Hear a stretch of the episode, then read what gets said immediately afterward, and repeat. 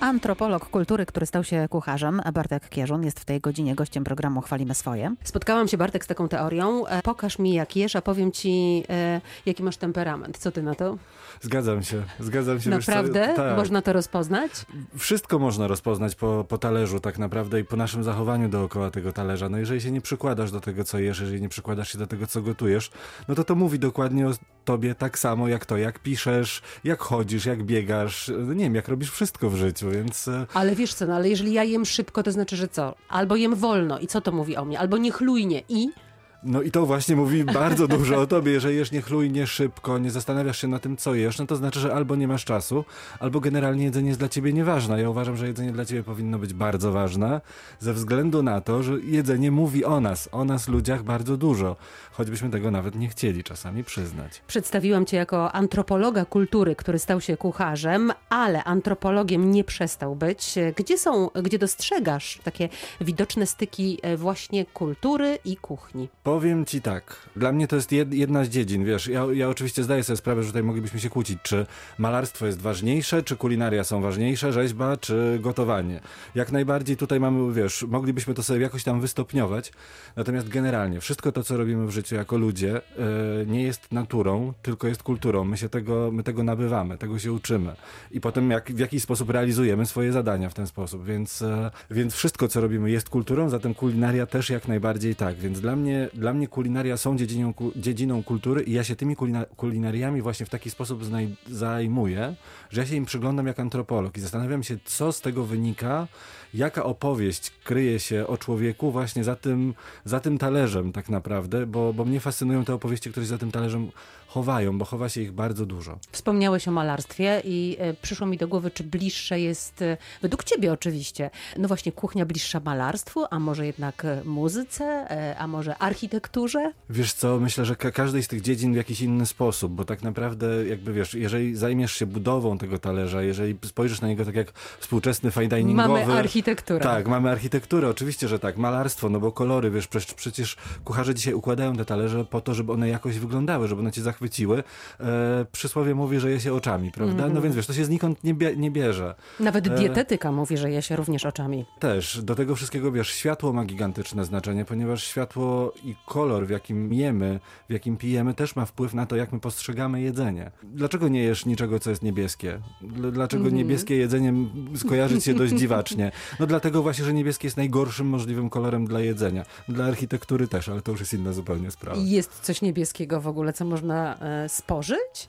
Spirulina, ale słuchaj, Aha. powiem ci tak, ja dostałem, dostałem w Izraelu koktajl, Miał, miało to być zdrowe jedzenie, wiesz, superfood, miało mnie postawić po prostu na nogi, spojrzałem na tę szklankę, popukałem się w głowę i powiedziałem, że sorry, ale ja czegoś w kolorze smerfa jeść nie będę. Napisałeś kilka książek e, Italia do zjedzenia, Portugalia do zjedzenia, czy Stambuł do zjedzenia ostatnio.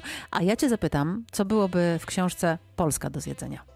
Wiesz, to byłaby bardzo ciekawa. Ja nie ukrywam, że mi się też gdzieś taki pomysł gdzieś tam w głowie, wiesz, już zalągł, żeby może przyjrzeć się też polskim kulinariom od tej strony i spróbować pokazać, że kuchnia polska tak naprawdę jest wypadkową wielu kuchni, które nas otaczały w naszej historii, no bo to, że kuchnia zawsze jest wypadkową klimatu i historii, tak by jest oczywiste, co do tego nie będziemy się kłócić.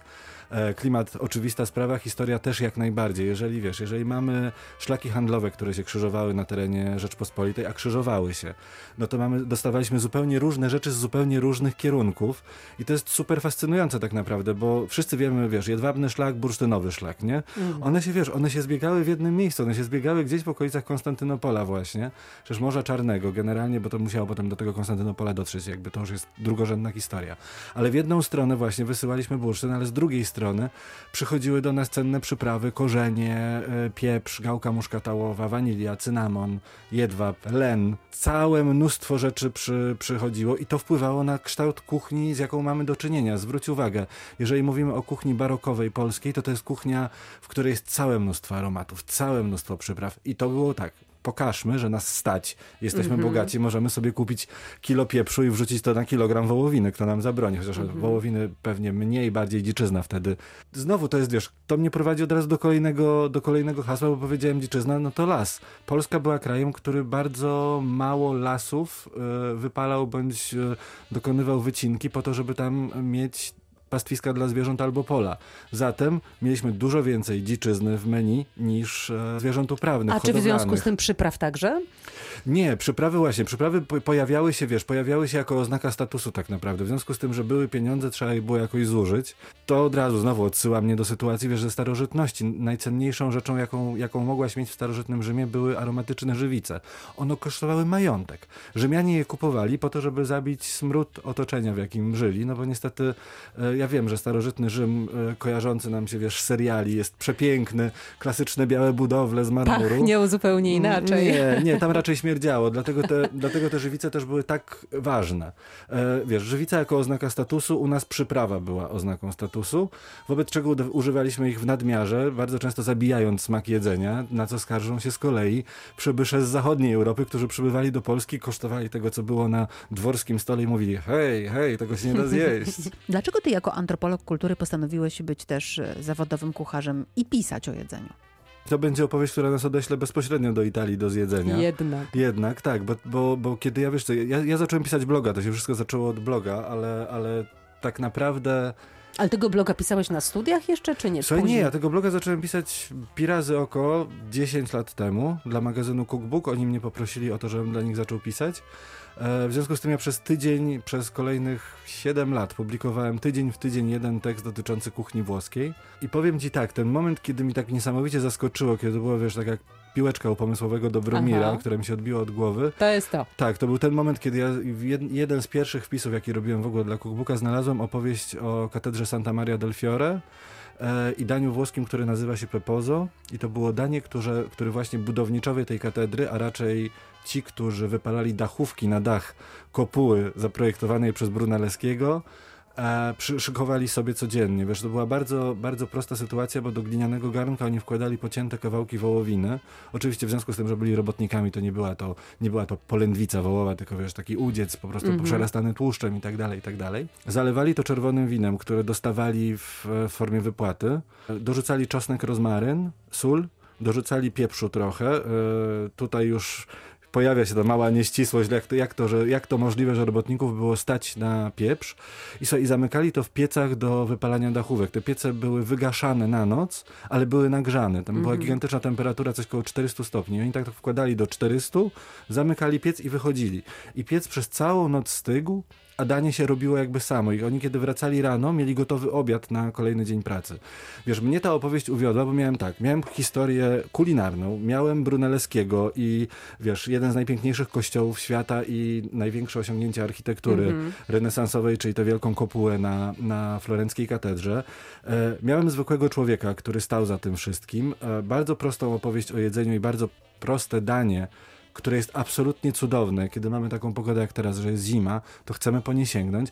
Więc wiesz, e, wtedy zrozumiałem, że tak naprawdę to, co ja w tej chwili zrobiłem, ten tekst, który napisałem dla, dla cookbooka, tak naprawdę popchnął mnie w kierunku tego, żeby zacząć się tymi kulinariami zajmować właśnie od tej drugiej strony. Nie pisać o tym, że och, to piękny talerz ten kucharz nam zmajstrował, ale szukać znaczeń, które się za nim kryją i jakie historie ten talerz jest w stanie opowiedzieć, bo tam mnie uwiodła absolutnie. A patrzysz czasami na ludzi, którzy jedzą, e, tak wgapiasz się w nich? Jak oni jedzą? Czy oni Wiesz co, smakują? patrzę. Czy oni dziękują? Czy oni, mm, no właśnie, rozmawiają? Czy też raczej skupiają się na tym podniebieniu? Patrzę i powiem ci tak, to co mnie przeraża to to, że coraz więcej ludzi zamiast jeść e, fotografuje to co je. O, właśnie. Skąd to w E, ogóle się wzięło, powiedz mi, no to co, fotografowanie Chcemy jedzenia? się dzielić, że dzielimy się wszystkim, chcemy się też dzielić jedzeniem. E, Ja to rozumiem oczywiście, też czasami to robię. Ale u ciebie uważam, na Facebooku nie za dużo tych fotografii jedzenia rzeczywiście. Wiesz co, bo uważam, że tak, jedzenie, powin... jedzenie jest częścią naszego życia. Jeżeli jesteś w stanie z tego zrobić jeden, jedyny temat, to to trochę sama siebie zubażasz. Dlatego ja podróżując szukam i doznań kulinarnych, i doznań z gatunku, wiesz, historia sztuki. E, jeżeli jestem w stanie w to zamieszać kino, to jest super, bo, bo studiowałem też troszkę filmoznawstwa, w związku z tym, wiesz, ja trochę inaczej patrzę na okoliczności filmowe, które gdzieś tam koło mnie funkcjonują, więc, więc wiesz, wydaje mi się, że fajnie jest to wszystko umieścić razem, a nie skupiać się tylko i wyłącznie na tym jedzeniu, więc trochę mnie przeraża to, że zrobiliśmy takiego sobie bożka trochę z Mhm. jedzenia, ale z drugiej strony ma to, ma to też, wiesz, dobre, dobre cechy, no bo, no bo zaczęliśmy zwracać uwagę na to, jak ten talerz wygląda, co na nim jest,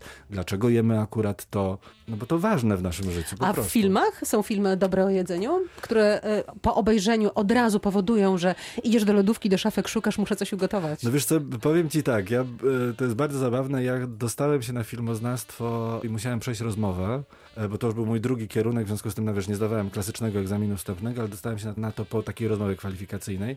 E, No i wtedy mnie, wtedy padło pytanie, co pana najbardziej w tym kinie fascynuje, więc ja wtedy zupełnie bez zastanowienia na takim byłem etapie w życiu, teraz nie wiem, czy bym powiedział to samo. E, W każdym razie powiedziałem, że jestem absolutnie zafascynowany tym, co robi Peter Greenaway w kinie. E, Bo to byłem świeżo po obejrzeniu żony kucharza. Mhm. Kucharza, Kucharza, żo- żon... no właśnie, kucharz, jego żona, Żona i jej kochanek. I właśnie, było coś jeszcze. Ale w każdym razie wiesz, mnie tam kompletnie uwiodły te, te martwe natury, które on robił, które nawiązywały do baroku i, i wiesz, jakby to jest zabawne. Ja nie lubię martwej natury w formie obrazu, natomiast to, co Greenaway robił przed kamerą z jedzenia, mnie absolutnie, ale to absolutnie uwiodło i i mam wrażenie, że to był też jeden z tych takich, wiesz, takich przebłysków, że być może, być może zajmę się, zajmę się talerzem. Bartek Kierzyn, dziękuję. Ja również bardzo dziękuję. A po rozmowie sprawdziłam. e, Kucharz złodziej, jego żona i jej kochanek. Tak brzmi prawidłowo tytuł e, tego filmu Petera Greenwaya, o którym mówił Bartek. Przy okazji e, można znaleźć na platformach i przypomnieć sobie, bo to naprawdę dobre kino.